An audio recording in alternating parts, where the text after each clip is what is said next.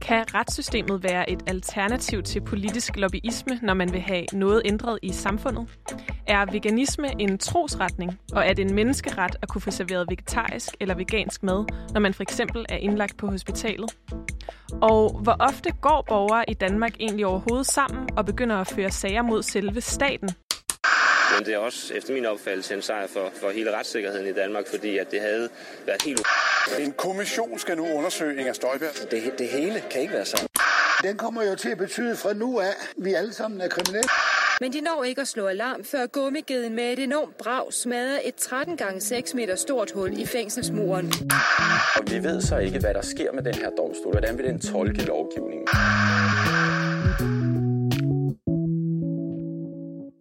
Velkommen til Boblen. Mit navn er Veronika, og i denne her sæson, der undersøger jeg, hvilken rolle jura spiller for din og min dagligdag, og hvilke principper, men også udfordringer, der er på spil, når loven den skal udformes og opretholdes. Og det gør jeg i dag sammen med Christine Mose. Velkommen til dig. Tak. I dag der skal vi noget lidt særligt. Vi skal nemlig dykke ned i en konkret sag om mulig diskrimination af vegetarer og veganere i offentlige institutioner. Og øh, det handler om, hvorvidt det at være vegetar og veganer, det kan anses for at være en overbevisning på lige fod med trosretninger. Og om det er en menneskeret, at der tages hensyn til vegetarer og veganere i det offentlige system. For eksempel, om man skal have adgang til at få serveret vegansk mad, når man er indlagt på hospitalet. Dansk Vegetarisk Forening startede i juli i år en indsamling, der skal dække omkostningerne ved at føre en række retssager om mulig diskrimination af vegetarer og veganere. Og Christine, hvad er det ved denne her øh, sag, der sådan juridisk set er spændende? Men det er jo bare rigtig spændende at se, om vi kan få nogle principielle afgørelser, der kan tage stilling til de her spørgsmål, som du jo lige præcis opridser i forhold til diskrimination og trosoverbevisning, i forhold til veganisme og vegetarisme. Og så er det også spændende at se på, om øh, der kan være en positiv forpligtelse til, at øh, offentlige institutioner skal tilbyde vegetarisk eller vegansk mad. Mm, og det skal vi prøve at dykke lidt mere ned i. Umiddelbart så kan det her spørgsmål om sådan retten til at få serveret vegetariske og veganske måltider, det kan, det kan måske godt stikke lidt ud for nogen. Øh, det kan måske godt virke sådan lidt, altså man har jo selv valgt at mm. lade være med at spise kød i den mad, der bliver serveret. Men, øh, men jeg er faktisk selv blevet ret overrasket i forbindelse med, at vi har researchet til det her øh, program over eksemplerne, fordi egentlig, når man tænker over det, når jeg tænker over det, så er det jo en, en lidt vild ting, det her med, hvad man spiser, og jeg forestiller mig, hvis der er nogen, der prøver at tvinge mig til at spise noget, jeg ikke har lyst til, det er jo faktisk en ret grænseoverskridende oplevelse, hvis jeg blev tvunget til at spise eller andet, jeg virkelig, virkelig, virkelig ikke havde lyst til at spise. Ja, altså det samme her. Det har virkelig været interessant at se på nogle af de her eksempler, og også dermed, det virkelig rammer ind i privatsfæren i forhold til, hvad det er, man tager, indtager Ja, og så er det jo også spændende netop, som du siger, øh, Christine, fordi at det har en juridisk øh, interessant øh, del i sig, nemlig det her med, at der er nogle borgere, der går sammen og prøver at, at lægge sag an for at få en principiel afgørelse. Måske kan det her øh, ændre den måde, øh, det er at være vegetar og veganer på i, i samfundet i, i Danmark, og øh, det dykker vi mere ned i nu.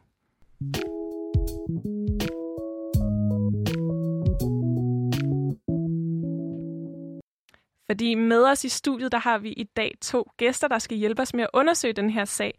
Og den første, det er dig, Rune Christoffer Dragsdal. Du er generalsekretær i Dansk Vegetarisk Forening. Velkommen til. Tak skal du have. Og det er jo din organisation, der har taget initiativ til den her indsamling. Og lige om lidt, så skal vi dykke ned i, hvorfor I har valgt at gøre det. Mm. Men øh, vi skal også lige sige hej til dig, Anna Maske, som er jurist i Institut for Menneskerettigheder. Og øh, velkommen til dig. Tak for det.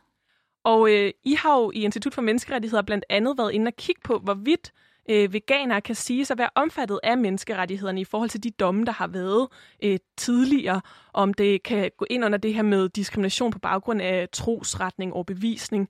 Og det er noget af det, vi skal prøve at dykke lidt ned i. Hvad, hvad er det, I har øh, set, der er for nogle domme tidligere, der måske kan ligge til grund for øh, den måde, som de her sager måske bliver behandlet på i, i det danske retssystem?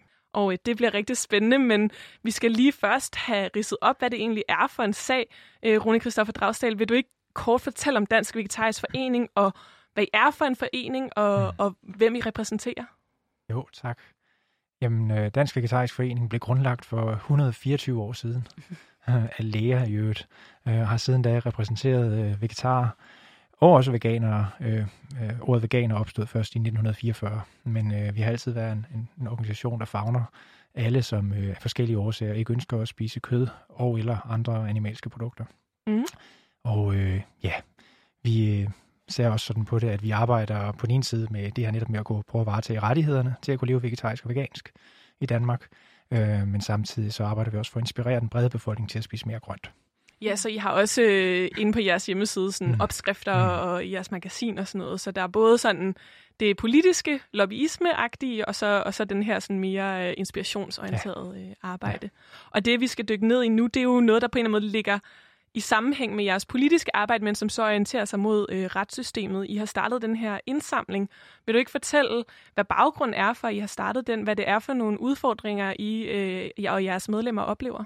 Jo, altså, der er jo til alle tider, kan man sige, vegetarer og veganer er jo en anden minoritet i samfundet.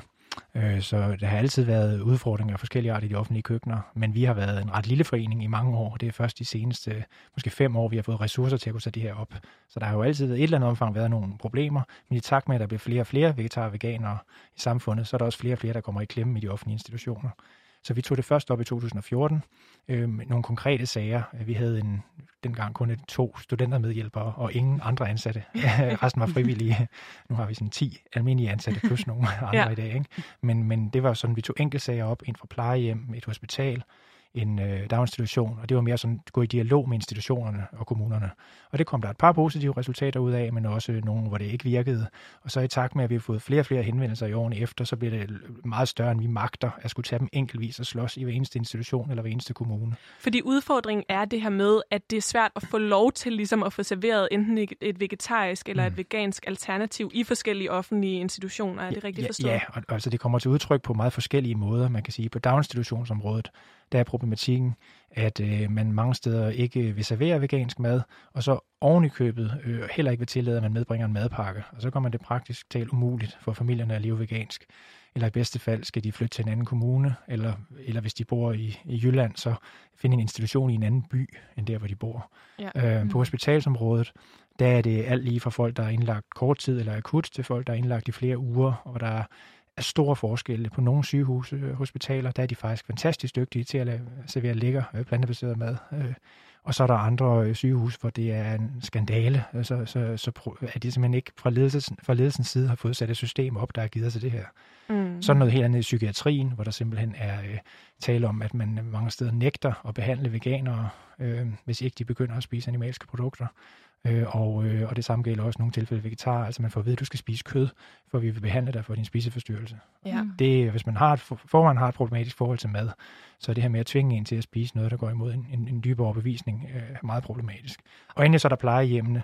Det er igen en helt anden problematik, og det er lige fra, at man øh, nogle gange serverer øh, kød til demente vegetarer. Man simpelthen holder op med at tage hensyn, når borgeren bliver dement men også til, vi har eksempler på, på ældre vegetarer, der har måttet flytte hjem fra plejehjemmet til sig selv igen, eller endda en enkelt, der er selv begyndt at skulle lave mad på plejehjemmet, så vidt jeg husker. Altså, det, det er alle typer af mere eller mindre bizarre og triste sager, som vi har fået i årens løb. Ja, og umiddelbart så, så virker det også, altså jeg synes, det virker ret vildt at høre om alle de her øh, sager, fordi jeg havde måske lidt en indgang til det her med, mm. jamen, øh, kan man ikke, øh, ja, kan man ikke bare selv, ligesom, har man ikke selv valgt det, og kan man ikke bare selv stå for, øh, for ligesom at tage en madpakke med og sådan noget. Mm. Og, og det er jo interessant at prøve at dykke ned i, hvor er det, de her øh, grænser går for, hvad man egentlig kan få lov til. Det er noget af det, vi skal prøve at kigge på, men som et eksempel på en, der er kommet i klemme i det her, der har vi snakket med et medlem af Dansk Vegetarisk Forening, som hedder Tobias Holm, og han har oplevet øh, en udfordring i forhold til en indlæggelse. Jeg synes lige, vi skal høre, hvad han fortalte om.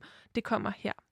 Jeg hedder Tobias Holm, og jeg var indlagt på Rigshospitalet i øh, foråret 2019 øh, i en uge hvor jeg blev opereret i maven for noget kraft. Det krævede en operation, der var, der var sådan ret omfattende. Mere eller mindre hele, hele min mave, hele motoren var, var ude øh, og inde igen. Til trods for, at hospitalet havde fået at vide, at jeg skulle have vegansk plantebaseret mad, så øh, var der animalske produkter i den mad, jeg fik serveret fra køkkenet. Hvilket vil sige, at der var både laktose, øh, altså mælkeprodukter, øh, og æg i den mad, jeg fik.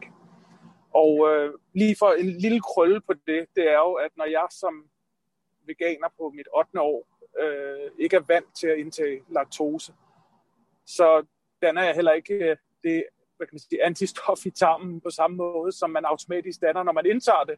Så, så det var ikke ligefrem noget, der gjorde min maves heling, eller min, min tarmfloras evne til at komme tilbage på sporet øh, bedre, at, øh, at det var det, der blev serveret for mig. Ja, og som I kunne høre, så er det her klip optaget, mens uh, Tobias Holm var lidt på farten, så, uh, så lyden den er måske ikke helt skarp, men jeg håber, at, uh, at det alligevel var tydeligt at høre, hvad det var, Tobias Holm fortalte om det her med at få serveret øh, vegetarisk, når man har levet som, øh, som veganer i otte år i forbindelse med en, en ret stor øh, maveoperation, som han i hvert fald oplevede som noget, der ikke hjalp på øh, at, øh, at komme i, i bedring. Er det noget, I kan genkende som de her sager, øh, Rune Christoffer Dragsdal? Ja, og altså på sygehusområdet der er det jo netop ofte det her med den her vigtigheden af at have den her tryghed, når du er indlagt, at du er i en meget sårbar situation. Måske har du været i fuld narkose eller igennem en, en operation, mm. der du er usikker på din fremtid og dit liv, og, og at man så ikke kan få noget så basalt som den mad, man er vant til at spise, og som hænger sammen med ens overbevisning, men også som man, man kan tåle øh, sådan i sin krop normalt. Ja. Øh, så, og det, det er igen, altså, de, som jeg nævnte før, det er de vildeste eksempler, ikke? Altså, øh, alt det her fra igen, altså, jeg har en kollega nu, som er, skal føde snart, og hun har fået at vide, at hun er nødt til at tage madpakke med, når hun skal føde. Mm.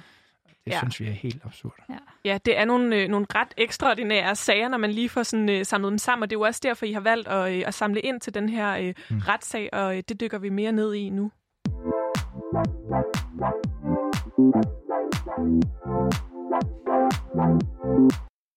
Ja, og Rune Christoffer Dragsdal, du var lidt inde på det før, det her med, at I har forsøgt forskellige måder med at mm. gå i mm. dialog med myndigheder osv. Nu vælger I simpelthen at gå rettens vej. Vil du fortælle lidt mere om, hvorfor I gør det? Jamen, grundlæggende så øh, er vi i Dansk Vegetarisk Forening, går vi meget op i dialog, og vi forsøger at være pragmatiske. Øh, vi, øh, altså det er klart, vi ønsker selvfølgelig en større forandring af vores samfund. Det er klart af hensyn til både dyrene og, og klimaet og folkesundheden, men vi forsøger at gøre det generelt meget venligt og konstruktivt. Så når vi vælger at tage en, øh, gå, ja, gøre det til en retssag nu, så er det simpelthen fordi, at vi har forsøgt dialog med forskellige institutioner øh, og kommuner rundt omkring. Vi har forsøgt at få det igennem i Folketinget øh, igennem tre år. Vi har haft et borgerforslag, underskriftsindsamling, afleveret til Miljø- og Fødevareudvalget mm. i Folketinget. Øhm, og, og, og, og, og tak med det, så bliver der flere og flere, der lever sådan her. Så der er flere og flere, der kommer i klemme, samtidig med, at det stadig ikke bliver gjort noget ved det. Mm. Og vores vurdering er, der er nu partier i Folketinget, som ser positivt på det her, men der er stadig meget langt til 90 mandater i Folketinget. Mm. Og så øh, for os så er det et spørgsmål om, at det, det skal stoppe nu. Altså nogle af de her vi synes egentlig ikke, det er for meget at bede om, at man øh, som, som minimum, altså kan vi sige, der er et, et setup, hvor du selv kan tage en madpakke med i institutionen, mm. og et setup, hvor man selvfølgelig har styr på det her på sygehuset, som har store køkkener og sådan noget. Ikke? Altså, så, så det kan godt lade sig gøre. Så, så ja, vi har mistet tålmodigheden med det ja. her sagt. Det kan simpelthen ikke være rigtigt. Det kan vi ikke være bekendt øh, i Danmark, fordi altså veganer og vegetarer betaler også skat og så videre, ja. og så er det heller ikke sværere. Så, så, så nu er det, ja, det, er en, det bliver så et, en, men, men det er jo ikke, et spørgsmål om, hvad skal man sige, det er et spørgsmål om, vi har brug for den her principielle afklaring. Det kan jo være, at vi tager fejl. Altså det kan godt være, at vi ikke har, man ikke har retten til at leve sådan her. Mm. Hvis man så ikke har retten til det juridisk, så håber vi så, at politikerne reagerer og giver os retten til det. Ja, så jeg har ja. simpelthen brug for en afklaring og på ja. ikke at vente ja. længere. Ja. Men hvad er status så nu? Hvor mange penge har I samlet ind, og hvor langt er I i forhold til de kommende sager? Jamen, øh, vi øh, satte jo gang i, gjorde opmærksom på det her offentligt i starten af juli, øh, og på to uger fik vi indsamlet 350.000 kroner mm. ud af en målsætning på 500.000. Og så siden da har vi egentlig ikke gjort det store væsen af os, fordi der har vi lavet vores, øh, det advokatkontor, vi har udvalgt, lavet dem med arbejde i fred og ro øh, og stille og roligt med at, med at vælge sager og forberede en stævning. Så status er lige nu, at jeg kan ikke lige sige, om det er et, jeg håber, at det kun er et par uger, men øh, advokaterne skal lige have lov til at arbejde på det her. Som advokatkontor kan jo godt have mange andre sager samtidig, så det skal lige passe ind i kalenderen. Men vi håber på meget snart at kunne gå ud med en konkret stævning øh, og nogle af de konkrete sager, der er.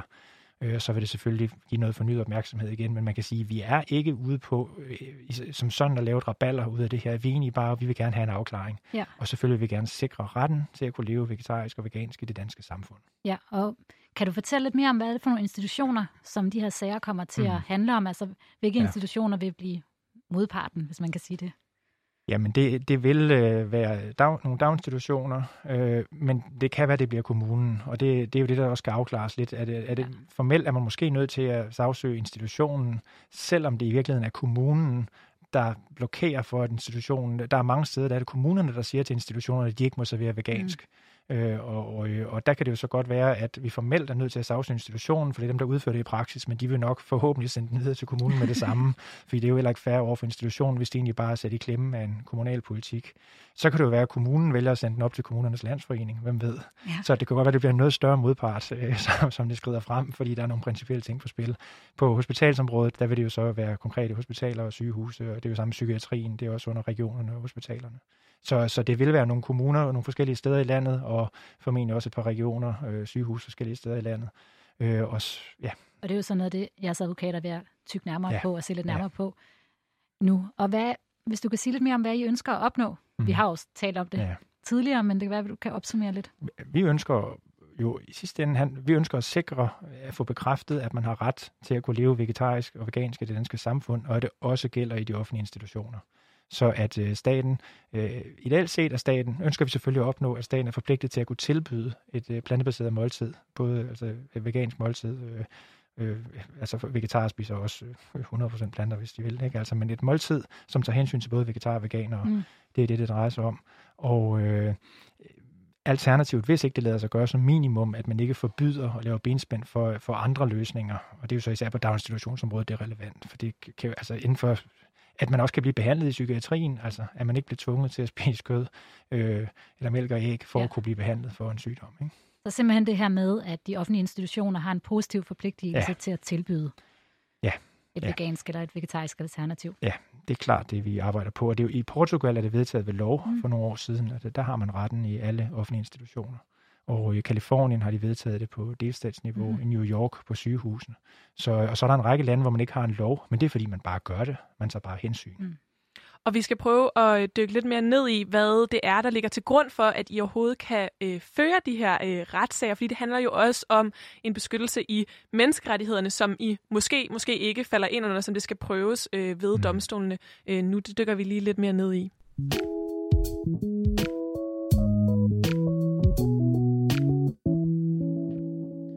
Du lytter til Boblen, hvor jeg, Veronika, sammen med jurist Kirstine Mose, i dag har besøg af Rune Kristoffer Dragsdal, der er generalsekretær i Dansk Vegetarisk Forening, og af Maskel, der er jurist i Institut for Menneskerettigheder. Og det har vi, fordi at Dansk Vegetarisk Forening er ved at indsamle penge til at føre en række sager, som handler om mulig diskrimination af vegetarer og veganere i det offentlige, og om retten til at få serveret vegetariske og veganske måltider i offentlige institutioner er beskyttet af menneskerettighederne. Og Anna Maskel, en, øh, øh, jurist i Institut for Menneskerettigheder. Nu kunne jeg godt tænke mig at, øh, at vende mig mod dig, fordi du har lige stået og, øh, og øh, ventet, mens vi har snakket med Rune Kristoffer Dragsdal omkring problematikken, som de oplever den i Dansk Vegetarisk Forening.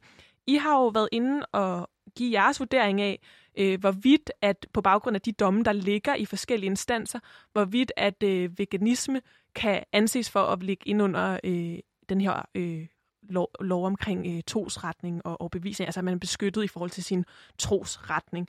Vil du ikke fortælle dels om Institut for Menneskerettigheder lige helt kort, men også om jeres rolle i den her sag?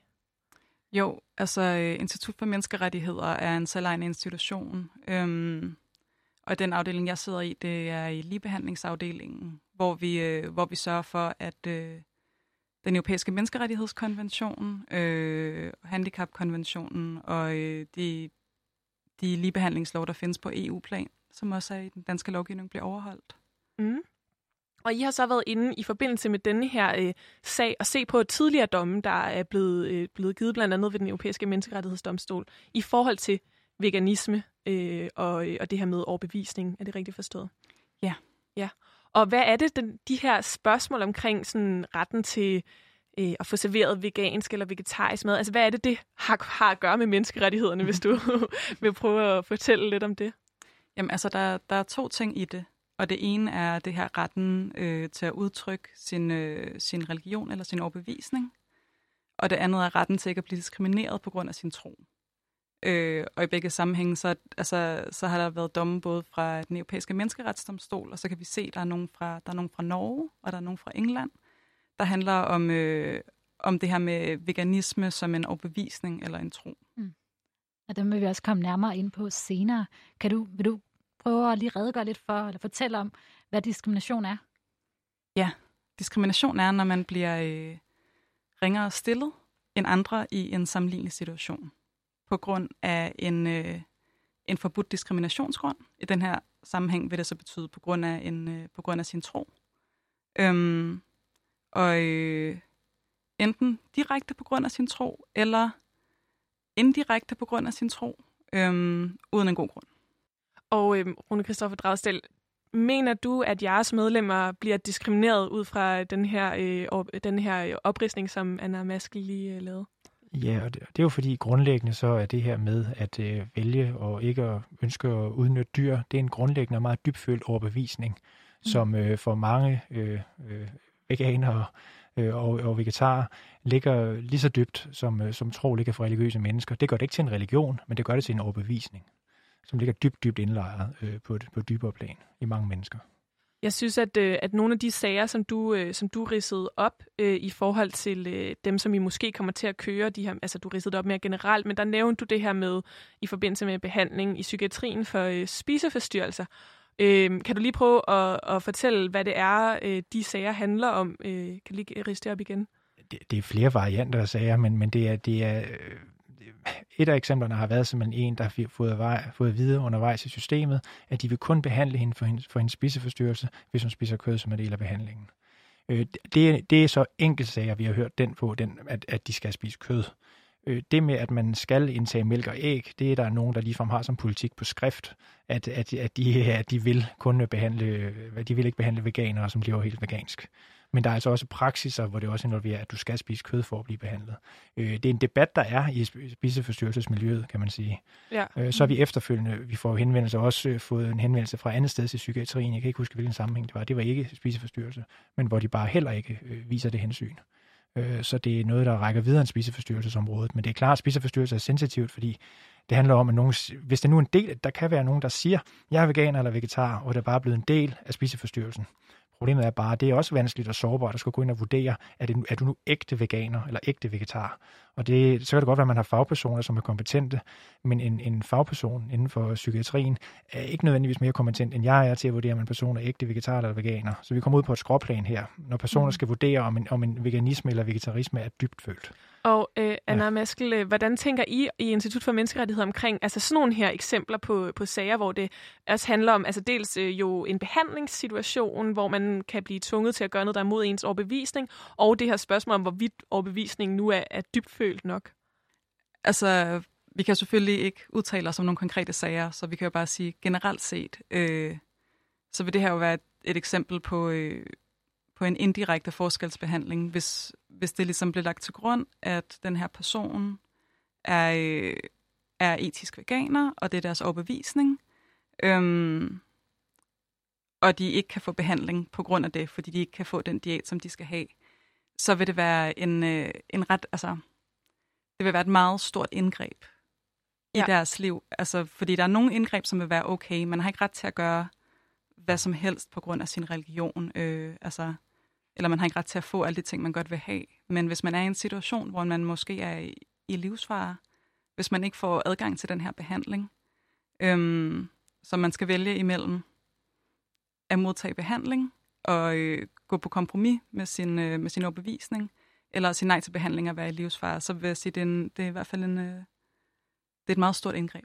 Ja, og jeg kunne godt tænke mig måske lige at øh, få lidt mere øh, afklaring for det her med øh, at se veganisme øh, eller vegetarisme som en tro eller en overbevisning. Altså, hvad skal der ligesom til, eller hvad har der skulle til i de sager, der ligger allerede, øh, for at man kan anerkende det som, som en tro? For jeg tænker, at der kan jo være alle mulige grunde til det, og man kan jo, altså hvordan skiller man lige, om det er en, om det er en reel overbevisning? Øhm, der er fra, øh, fra den europæiske menneskeretsdomstol øhm, efter artikel 9, der ligesom beskytter det her retten til, øh, retten til, sin, til ens religionsfrihed. Øhm, der er der de her forskellige kriterier, som de bruger, øh, som er, at ens synspunkter, der udgør overbevisningen, de skal have et vist niveau af at være sammenhængende og vigtige og seriøse. Øhm, og vi kan se fra, øh, fra de andre lande, der hvor det har været i England og hvor det har været i Norge, der har de gået igennem, og så har de sagt, øh, i Norge der sagde de helt specifikt, det er ikke nok, at man bare spiser vegansk. Mm. Ligesom, det, det er ikke en overbevisning, mm. men de har ligesom skulle, be, altså de personer, der har lagt sag an, og som har fået det anerkendt, de har skulle sige, at de lever en generel livsstil, de har et generelt livssyn, hvor de prøver på ikke at skade dyr øh, som også mm. kommer til udtryk på andre måder øh, i de andre valg, de tager i deres liv på en eller anden måde. Hvad kunne det for eksempel være? Det kan for eksempel være øh, ikke at gå med læder, øh, eller hvad man vælger at bruge sine penge på. Øh, hvordan, man, altså, hvordan man i øvrigt tager sin, sin forbrugsvalg. Ja, Og øh, Rune Kristoffer Dragstel, jeg kunne også godt tænke mig at spørge dig, hvad du tænker omkring det her. Altså fordi, man kan sige, ja, der er jo mange, der, altså, der ikke nødvendigvis bliver født ind i en vegetarisk eller vegansk familie, og som på et eller andet tidspunkt i deres liv siger, øh, nu vælger jeg at spise vegetarisk eller spise vegansk. Øh, hvad er det ved det valg, som ifølge jer øh, klassificerer sig som en overbevisning eller en form for, for tro? Fordi for mig så, altså det lyder jo også umiddelbart som noget, nu siger man, nu spiser jeg noget specifikt, og det har jo ikke nødvendigvis noget at gøre med, hvad kan man sige, ens øh, andre overbevisninger i livet. Men nej, og det, men det er jo, man kan sige, igen i et større, hvad skal jeg sige, filosofisk øh, perspektiv, mm. så kan man sige, det der det, det, det kredser om, man kan sige, både det vegetariske og veganske, det er jo sådan set noget med retten til liv, retten til ikke at tage liv. Altså den, den, den dyreetiske dimension af det. Ikke? Så, så den ret, det mener vi, der absolut kvalificerer sig på lige fod med, med alle mulige øh, religiøse øh, overvejelser som et grundlæggende etisk valg, man har truffet om, hvad man synes, der er rigtigt og forkert her i verden. Og, og det, som jo også er centralt, og nu er jeg jo ikke eksperten på det her, det er nar nok, men, men øh, i en højere, meget højere grad.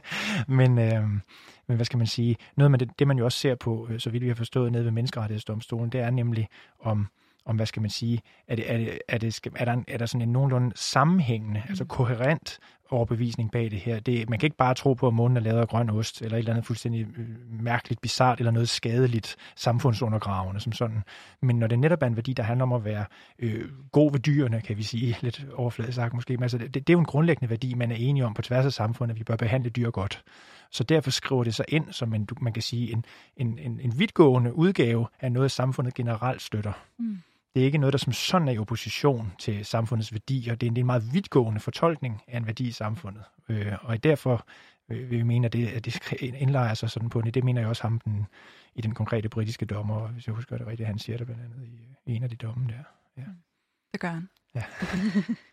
Så der skal ligesom være dels mere til det, end, end et valg om, hvad man spiser, og, og så hænger det sammen med, at man, at man ser generelt på, øh, på livet og på samfundet på en bestemt måde, som ikke er samfundsundergravende. Mm. Altså, det, det skal være på en eller anden måde en positiv øh, overbevisning, eller mm. hvordan?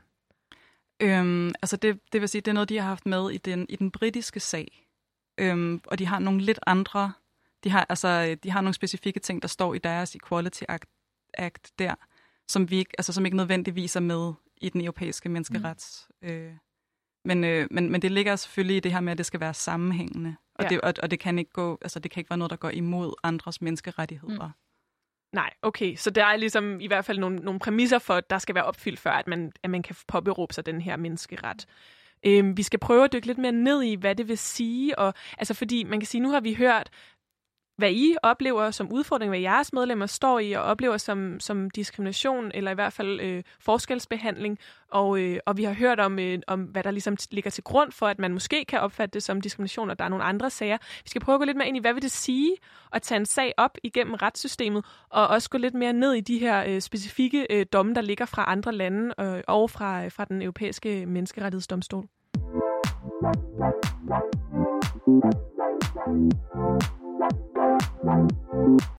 Ja, og nu vil jeg prøve at gå lidt mere ind i det her med, hvad det vil sige at tage en sag op gennem retssystemet som borger eller som en gruppe af borgere. Øhm, først vil jeg lige høre dig, Rune Kristoffer Dragsdal. Hvor langt har I tænkt jer at gå med de her sager? Hele vejen til, om nødvendigt, til menneskerettighedsdomstolen. Øh, det, er, det er fuldstændig grundlæggende præmis. Hvis først vi går i gang med det her, så kan vi ikke give op på halvvejen. Og det er også derfor, det var vigtigt for os, undskyld, altså grundlæggende at se relativt hurtigt at få indsamlet et vist beløb, mm. for så har vi tillid til, at vi har, der er en masse mennesker, der har vores rygge i den her sag, og sikre, at vi uanset hvad kan gå hele vejen. Okay. Ja. Og det her med hele vejen, nu vil lige tale lidt om det her med, hvordan gør man så lige det? Mm. Fordi det er jo sådan, at øh, for ikke kun at få de danske domstolsvurdering af det her spørgsmål omkring diskrimination, men også få for eksempel den europæiske menneskerettighedsdomstolsvurdering af det, så skal man have udtømt nationale retsmidler. Mm. Øhm, og det betyder, at man skal gå hele vejen gennem det danske ja. retssystem. Og der er udgangspunktet jo, at man anlægger en sag ved byretten, og så kan man anke den til landsretten, fordi man har et såkaldt toinstansprincip. Og så kan man så i nogle helt særlige tilfælde få lov til at få en tredje instansbehandling hos højesteret, hvis sagen er særlig principiel, og det vil sige, har en væsentlig samfundsinteresse, eller der den vil have afgørende betydning for lignende sager. Øhm, I forhold til det, så er der også nogle gange, hvor man kan starte ved landsretten, hvis det er en særlig principiel sag. Og hvor tænker I at starte sagen? Øh, vi prøver absolut at starte den ved landsretten, mm. øh, fordi at så, øh, det, er... Øh, det jo, vil være en, en række sager ikke? i et lille sagskompleks fra forskellige steder i landet. Så alene det at skulle køre den ved fem forskellige byretter, øh, det er sådan en dårlig idé, logistisk set. Og øh, også fordi, at, at det er det er et komplekst spørgsmål, det her, så øh, vi, vi vurderer også altså fra advokatens side, at, at den skal køres i landsretten fra starten af. Og så må man jo se, hvad dommen bliver der, og hvad de to øh, parter i sagerne, og de forskellige sager så siger til, om noget skal bringes videre eller ej. Men øh, ja, det, det er jo, så er det jo ja, højesteret, hvis det er, ikke? og så jo eventuelt menneskerettighedsdomstolen, hvis det er nødvendigt. Og det er jo egentlig interessant, fordi vi vil jo gerne have vi vil, vi vil ikke, altså det handler ikke om de der få borgere, der er med i sagerne. De, de, stiller sig, de går med i det her for et højere formål, som handler mm. om generelt at få en grundlæggende vurdering, der kan føre til en præcedens og en principiel vurdering, som man forhåbentlig kan øh, tage udgangspunkt i resten af samfundet, så det, der er mange flere borgere, der drager nytte af det. Og, det, at det, og der er øh, dilemmaet jo så lidt, at et eller andet sted kunne man jo sige, at det var positivt.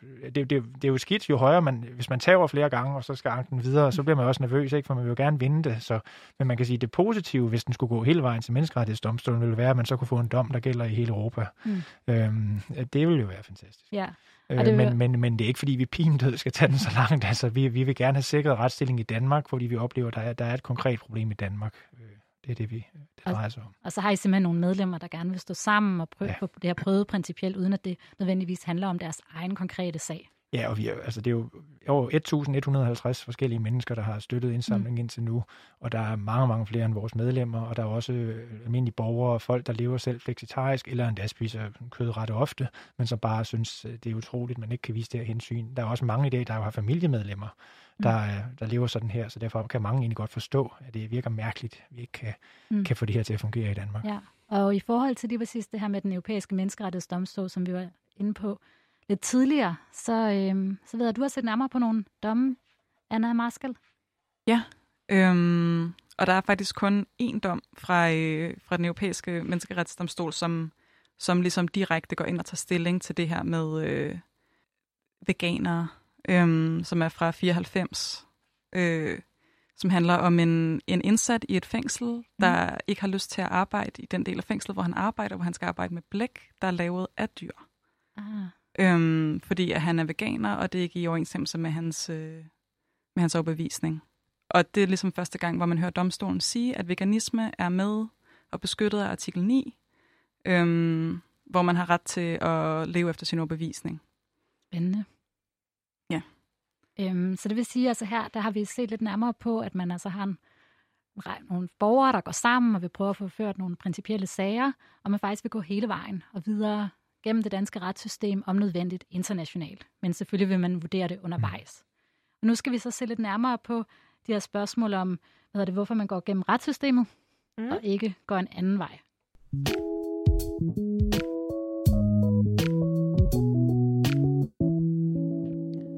Du lytter til Boblen, hvor jeg, Veronika, sammen med jurist Kirstine Mose, i dag har besøg af Rune Kristoffer Dragstad, generalsekretær i Dansk Vegetarisk Forening, og Anna Maskel, som er jurist i Institut for Menneskerettigheder. Og vi taler om de retssager, som Dansk Vegetarisk Forening er ved at samle øh, penge ind til at føre, og hvorvidt det at få serveret vegetariske og veganske måltider i offentlige institutioner kan anses for at være en menneskeret. Og Rune Kristoffer Dragsdal, I har jo altså valgt at gå rettens vej med det her problem, som I oplever, at jeres medlemmer står overfor. Øhm, jeg har taget nogle tal med fra en undersøgelse, som er foretaget af Coop Analyse her i 2020, og den viser, at 44 procent af de adspurgte i den her undersøgelse, de er helt eller overvejende enige i det udsagn, som jeg nu læser op, som hedder, det bør altid være muligt i offentlige institutioner, parentes børnehaver, plejehjem etc., at kunne vælge et vegetarisk måltid. Og det er 24 procent, der er helt eller delvist uenige. Så sådan, i denne her rundspørg, der tyder det på, at der faktisk er en relativt stor opbakning i øh, befolkningen til at, øh, at få den her mulighed for at få serveret øh, vegetariske øh, alternativer. Men øh, I har alligevel valgt at tage den til retten, i stedet for at tage den igennem, hvad kan man sige, det klassiske system for at søge forandringer, som jo er vores, øh, vores politiske system. Og du har været lidt inde på det tidligere. Du sagde det her med, at umiddelbart ser det ud, som om der er langt til de 90 mandater. Men vil du ikke prøve at sige lidt mere om, hvordan I overhovedet er kommet på det her med, at I så i stedet for kunne gå rettens vej, og hvorfor I har valgt at gøre det frem for at blive ved med at kæmpe, hvad kan man sige, politisk og med aktivisme og borgerforslag og sådan nogle ting? Jamen, øh, det er jo et spørgsmål om at prøve de forskellige muligheder, der nu er, og det er allerede for en tre år siden øh, undersøgte vi også lidt, hvad var det juridiske grundlag potentielt for det her, men vi var meget færre. Vi havde halvanden ansat på det tidspunkt, og ikke lige så mange ressourcer i forhold til at kunne løfte det her nu, sådan også tidsmæssigt. Øh, og, og da vi sådan prøvede at søge rundt og finde nogle eksisterende dommer, sådan, der, var, der er et eller andet, der er sket, der er dukket mere op tilgængeligt på Google på en nemmere måde, eller på nogle forskellige ressourcer, hvor man også internationalt for veganer og vegetarer samler nogle domme. Der var noget materiale, vi ikke kunne skaffe dengang, og hvor det ikke var lige så tydeligt for os, om der var et klart juridisk grundlag. Plus, at vi havde egentlig tillid til, at vi tænkte, det her, det må der kunne komme igennem politisk. Mm. Så, så derfor forsøgte vi, lavede først selv en underskriftsindsamling, så kom der det her borgerforslagsplatformen, og der var vi et af de første borgerforslag, der kom op og fik også, øh, var et af de, jeg tror, en, en længere periode, det femte mest støttede forslag i en længere periode, men der er en tidsfrist på et halvt år for borgerforslagene øhm, som er det, der gør, at man får garanteret, at det bliver sat til afstemning, så at sige. Eller garanteret, altså i, princi, i, praksis, i praksis er aftalen bag borgerforslagsordningen, at man så er sikker på at få det debatteret og øh, afstemt, i, at man skal stemme om det i Folketinget. Ikke? Mm. Vi nåede så 12.500 underskrifter på et halvt år, så hvis vi havde haft, hvis der ikke havde været en tidsgrænse på et halvt år, så kunne vi jo nok godt have nået de 50.000 underskrifter, der skal til. Øhm, men ja, vi afleverede allerede for inden underskrifter i Folketinget. Vi har haft dialog med partierne på Christiansborg, og, der, der, det er jo fra, at der slet ikke var nogen, der ville fremsætte det. Så det blev faktisk fremsat i februar i år, mm. øhm, øh, alternativet. Øh, men det var lige inden Alternativet øh, begyndte at falde lidt fra hinanden og miste folketingsmedlemmer, ja. øh, som øh, hoppede af. Og derudover så ramte coronakrisen, og der er en masse forslag, som er blevet trukket tilbage igen mm. på grund af coronakrisen. Ja. Så øh, i mellemtiden øh, har vi indtryk af, at der måske er nok flere partier nu, der kunne tænke sig at støtte det her men det er uklart øh, præcis, hvem det er, og de skal lige finde ud af det internt i partierne. Mm. Øh, og selv da så er der stadig meget langt til et 90 mandater, det kræver jo altså, at man får enten Socialdemokratiet eller Venstre med. Mm. Øh, ellers er der ingen vej til 90 mandater i Danmark. Og du nævnte også det her før med, at I havde lavet jer inspirere fra forskellige andre lande. Mm. Altså det med, at der faktisk har været nogle afgørelser også fra nyere tid. Der blandt andet en sag fra England, som blev afgjort i januar 2020, det vil sige i år, hvor at øh, man går ind og vurderer det her med etisk veganisme som en filosofisk overbevisning. Og den vil vi lige høre et klip fra nu.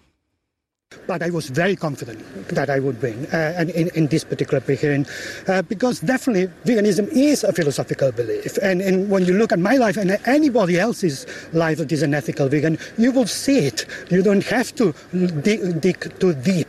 You will see how it affects on everybody's life and how important and how respectful it is for, for the world. And this is, is a positive belief. It's not a negative belief. And therefore a positive belief is bound to be protected. Ja, og det var altså en afgørelse fra arbejdsretten i England fra januar i år. Øhm, og jeg tænkte på, Anna Marskel, om du vil fortælle lidt mere om, hvad den her sag handler om, og hvad etisk veganisme er. Ja, øh, og den her sag, den er, lidt, øh, den er lidt spændende på den måde, at det handler ikke om, øh, altså den her sagsøger, det handler ikke om hans ret til, hvad han skal spise. Øh, sagen handler om, øh, om noget med hans pensionsselskab, at han ligesom er uenig i, øh, i noget, som hans pensionsselskab investerer i, fordi det, det er noget, der går i strid med hans overbevisning som en etisk veganer. Øh, og det er det, der i sidste ende fører til, at han bliver fyret, og det er så derfor, han lægger sagen. Øhm, og de laver i sagen en ret indgående prøvelse af det her med hans etiske veganisme. Og der kan man også sige, at han er, han er et eksempel på en, der virkelig lever øh, meget i overensstemmelse med, med en meget stærk overbevisning, og nævner alle mulige ting i den her sag, som at han ikke øh, lader folk komme ind i hans hjem, hvis de har ikke vegansk mad med, mm. øh, og ligesom har forskellige andre ting. Og der siger domstolen også, at øh, så striks behøver man ikke at være, for ligesom at være beskyttet, men at, men at de ligesom, at de helt bestemt mener, at det her er en en sammenhængende og seriøs livssyn, som skal beskyttes. Så han er simpelthen sådan et ideal eksempel på, hvad, hvordan etisk veganisme kan folde sig ud. Ja, han er virkelig sådan, øh, der, der er ingen slinger i vand. som man siger. Og øh, der er også nogle sager fra Norge, som du også har set nærmere på, Anna. Vil du fortælle lidt om dem?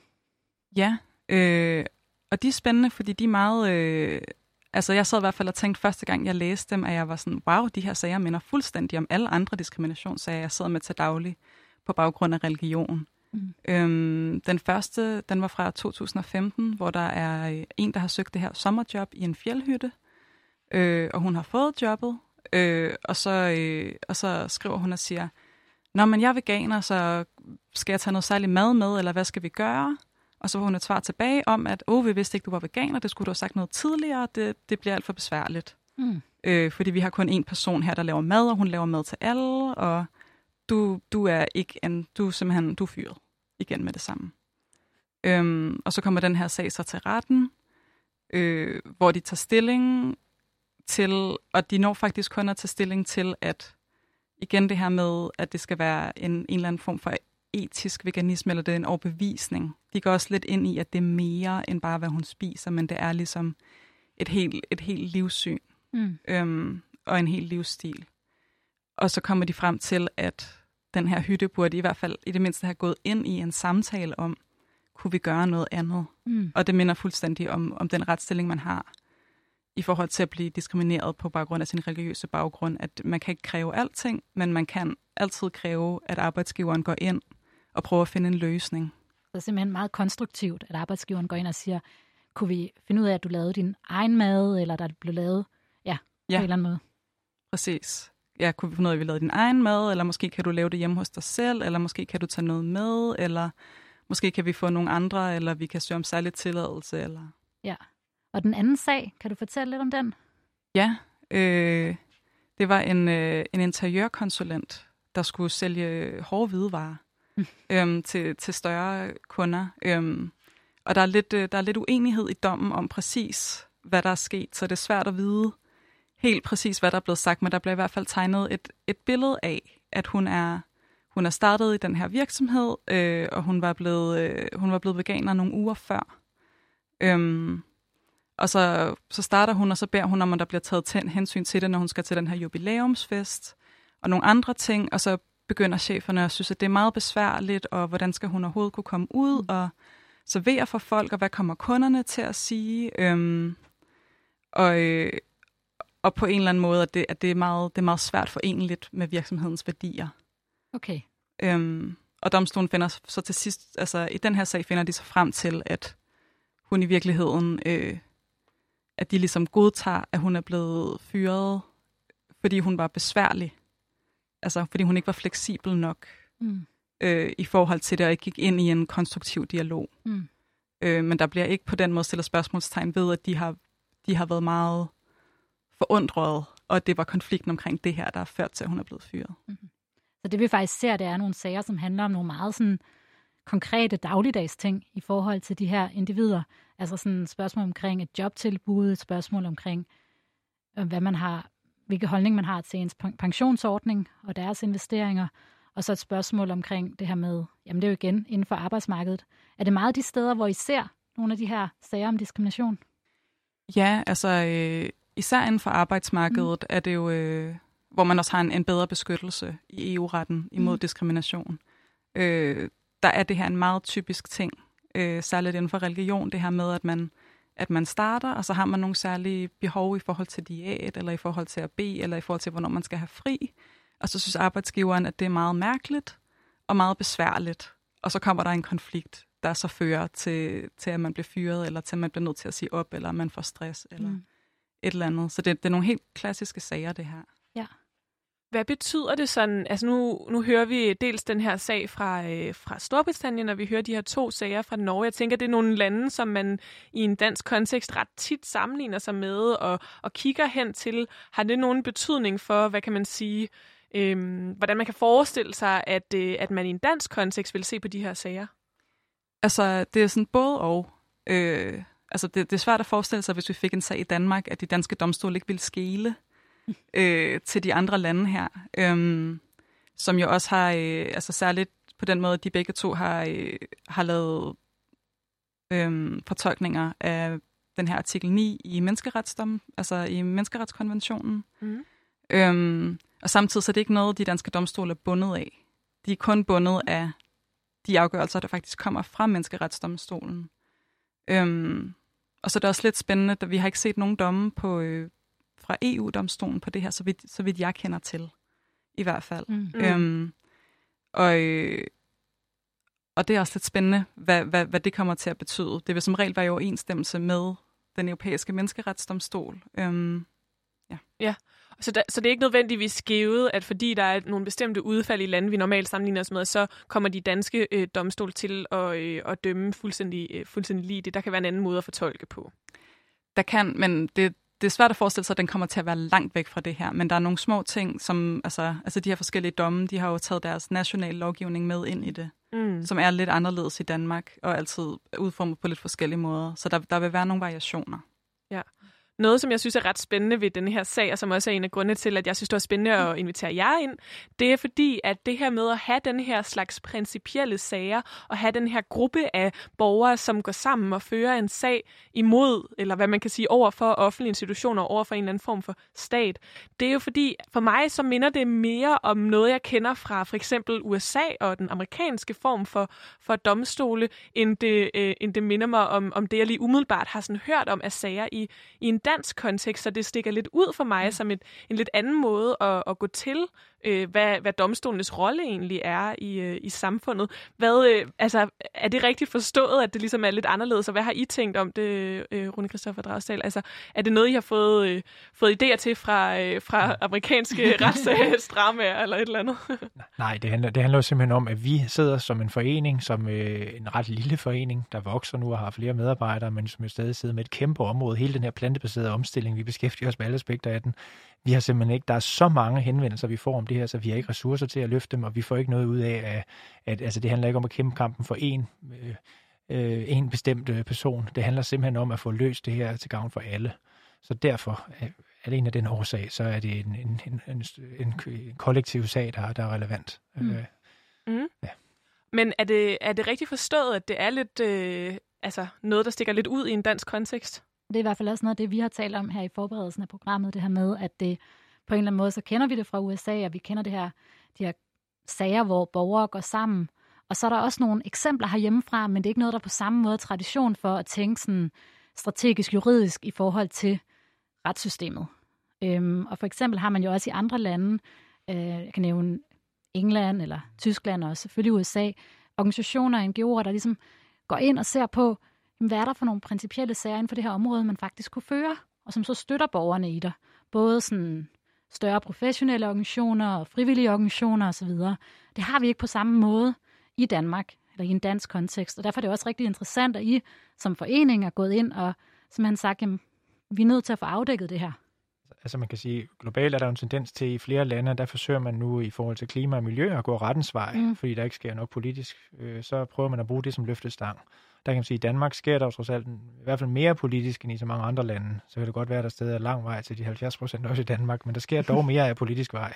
Men i det omfang, der ikke sker nok af politisk vej, så vil jeg jo mene, det er lige så relevant også at se, hvad der rent juridisk kan løftes her.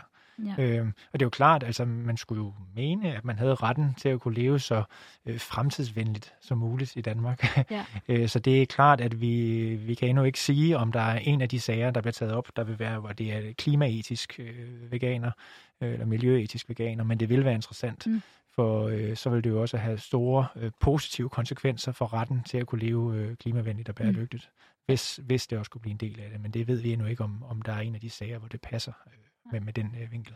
Rigtig spændende. I, sådan, I forhold til det her med borgere og myndigheder, så er der faktisk øh, de, den sidste årrække kommet et markant stigning i antallet af sager mellem borgere og myndigheder. Og der er noget, noget, der tyder på, og nogle forskellige forskere, der har talt om det her med, jamen, at borgerne er blevet mere opmærksomme på deres rettigheder, og heller ikke har samme, samme sådan ærefrygt over for myndighederne, som man måske havde tidligere. Men jeg tænker på, øhm, når, jeg, når jeg hører det her, altså sådan, det synes jeg er ret interessant, det er noget, en af årsagerne til, at jeg synes, det er spændende at lave det her øh, program.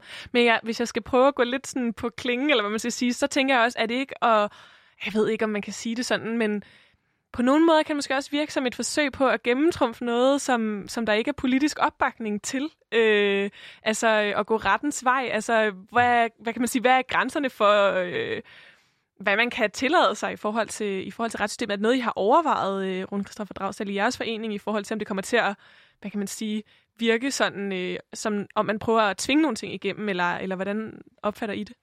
I og med, at vi er Dansk Vegetarisk Forening, og øh, vi er en forening for alle, øh, hvor man kan også gerne spise kød, bare man synes, det er en god idé, at vi spiser grønnere som samfund.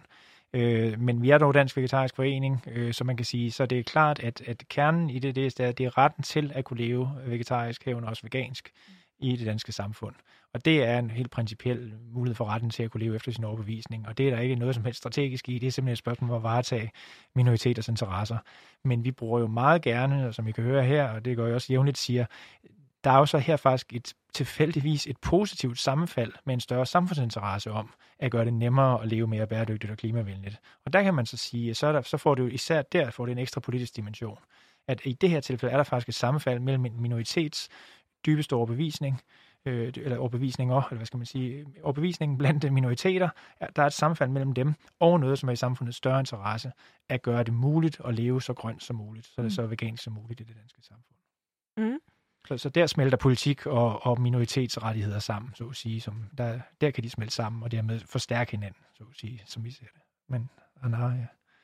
Altså, jeg kan i hvert fald sige om instituttets øh, tilgang, eller Institut for Menneskerettigheders rolle, er jo, vi har jo et, vi har et særligt mandat til at føre principielle sager, der handler om ligebehandling. Øh, og det har vi jo simpelthen, altså, det, det er der jo ikke noget aktivistisk ved. Det er jo simpelthen sager, som vi fører for, at lovgivningen bliver overholdt. Øh, altså fordi, at nogle gange, altså så, så smutter den jo for, mm. for Folketinget, eller for lovgiverne, eller for administrationen, eller i udøvelsen af et eller andet. Øhm, hvor, at, øh, hvor, hvor de ikke lige får tjekket godt nok op på det, og så sidder man med de her sager, hvor man siger, at det her det er ikke i overensstemmelse med, med vores internationale forpligtelser, og det er ikke i overensstemmelse med vores ligebehandlingsforpligtelser. Ja, så det du også siger, det er, at det er nogle rettigheder, der findes, som det så er, at der måske er nogle forskellige myndigheder, som ikke overholder, og det er det, der skal prøves. Ja, det er simpelthen, altså på, man kan sige, hvis man vinder en sag ved, ved domstolen, på den måde, som vores system er i Danmark, så er det jo, øh, så er det jo bare, altså, så tager domstolen jo beslutninger på baggrund af den lovgivning, der allerede findes. Øh, så det er jo ikke ny lovgivning, der bliver indført. det er jo simpelthen bare, at lovgivningen bliver, bliver håndhævet. Ja. Men hvordan kan det så være, øh, hvis jeg sådan lige til, her til sidst kan, må spørge sådan, altså at det her ikke er blevet gjort før, eller hvad man kan sige? Altså nu, nu nævner du, Rune Kristoffer Dragsel, for jer som specifikt som organisation handler det om også jeres ressourcer, der har ændret sig i forhold til at føre de her sager, samle de her penge. Men, men det er jo, hvis det er nogle, nogle regler, der allerede er der, hvor, hvordan kan det så være, at, øh, at man ikke tidligere har indført det her hensyn øh, i øh, de offentlige institutioner i Danmark, for eksempel? Øhm, altså, det er jo et, øh, det er jo rigtigt nok, det er nogle regler, der allerede er der, men samtidig så er det jo så også domstolenes rolle at finde ud af, hvordan de så ser ud i praksis. Altså vi ved, at man har ret til ikke at blive diskrimineret, øh, som, som etiske veganer i hvert fald, øh, og også at man øh, har ret til, hvis man har en anden religion og har en vegetarisk diæt, at man har ret til, til den, men at man ligesom, hvor grænserne går, det er så noget, der ligesom er blevet altså, klart her på det sidste, i det sidste domme, så jeg tænker, det er derfor, vi ser, at der sker noget nu. Så der er også nogle, nogle fortolkninger, som, sådan, øh, som løbende kommer, og som betyder, at der så kan, kan komme afledte effekter ude i de enkelte øh, lande og institutioner. Ja, og vi kan også se nogle gange, øh, at ved nogle domstole, altså som den europæiske menneskeretsdomstol for eksempel, der har det, der hedder en dynamisk fortolkning, der kan fortolkningerne også ændre sig lidt i løbet af, af årene, alt efter hvordan er samfundet og, og den altså samfundsstemningen omkring forskellige emner ændrer sig. Så der er altså det her et eller andet samspil mellem, hvad kan man sige, hvad samfundsudviklingen peger på, øh, hvad for nogle værdier man opfatter som, hvad kan man sige, i, i sammenhæng med, med samfundet, og så hvordan man, hvordan man tolker ved de, ved de domstole, der, altså for eksempel den europæiske menneskeretsdomstol. Ja, det er der. Nu er vi ved at være nået til, øh, til vejs ende øh, i, øh, i det her øh, program. Øh, rigtig spændende, og tusind tak, fordi I havde lyst til at komme ind og snakke om den her sag, og også om det principielle i den, og hvorfor det er interessant at, øh, at følge med i som, øh, som borger, også på lang sigt i forhold til, hvad der sker øh, i vores samfund. Øh, og øh, Rune Kristoffer Dragsdal, generalsekretær i Dansk Vegetarisk Forening. Tusind tak, fordi du vil være med. Tak for invitationen. Og det samme til dig, Anna Maskel, som er jurist i Institut for Menneskerettigheder. Tusind tak, fordi du også havde lyst til at være med. Ja, tak fordi jeg måtte være med. Og øh, Christine Mose og jeg, vi siger øh, tak for, øh, for nu, og tusind tak til jer, der lyttede med.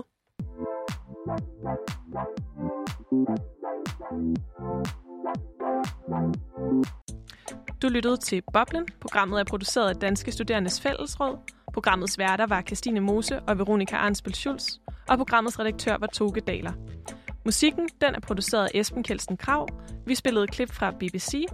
Tak til Rune Kristoffer Dragsdal, Anara Maskel og Tobias Holm. Og tak til jer, der lyttede med. Hvis du sidder tilbage med nogle spørgsmål til jura, lovgivning og retssystemet, eller hvis du har undret over noget, du har hørt jurister, advokater eller andre eksperter snakke om i forhold til jura, så vil vi rigtig gerne høre fra dig, så vi kan lave et program om de spørgsmål, som du sidder med. Send dine spørgsmål ind til boblensnabelagradioloud.dk eller find Radio Loud på Facebook eller Instagram.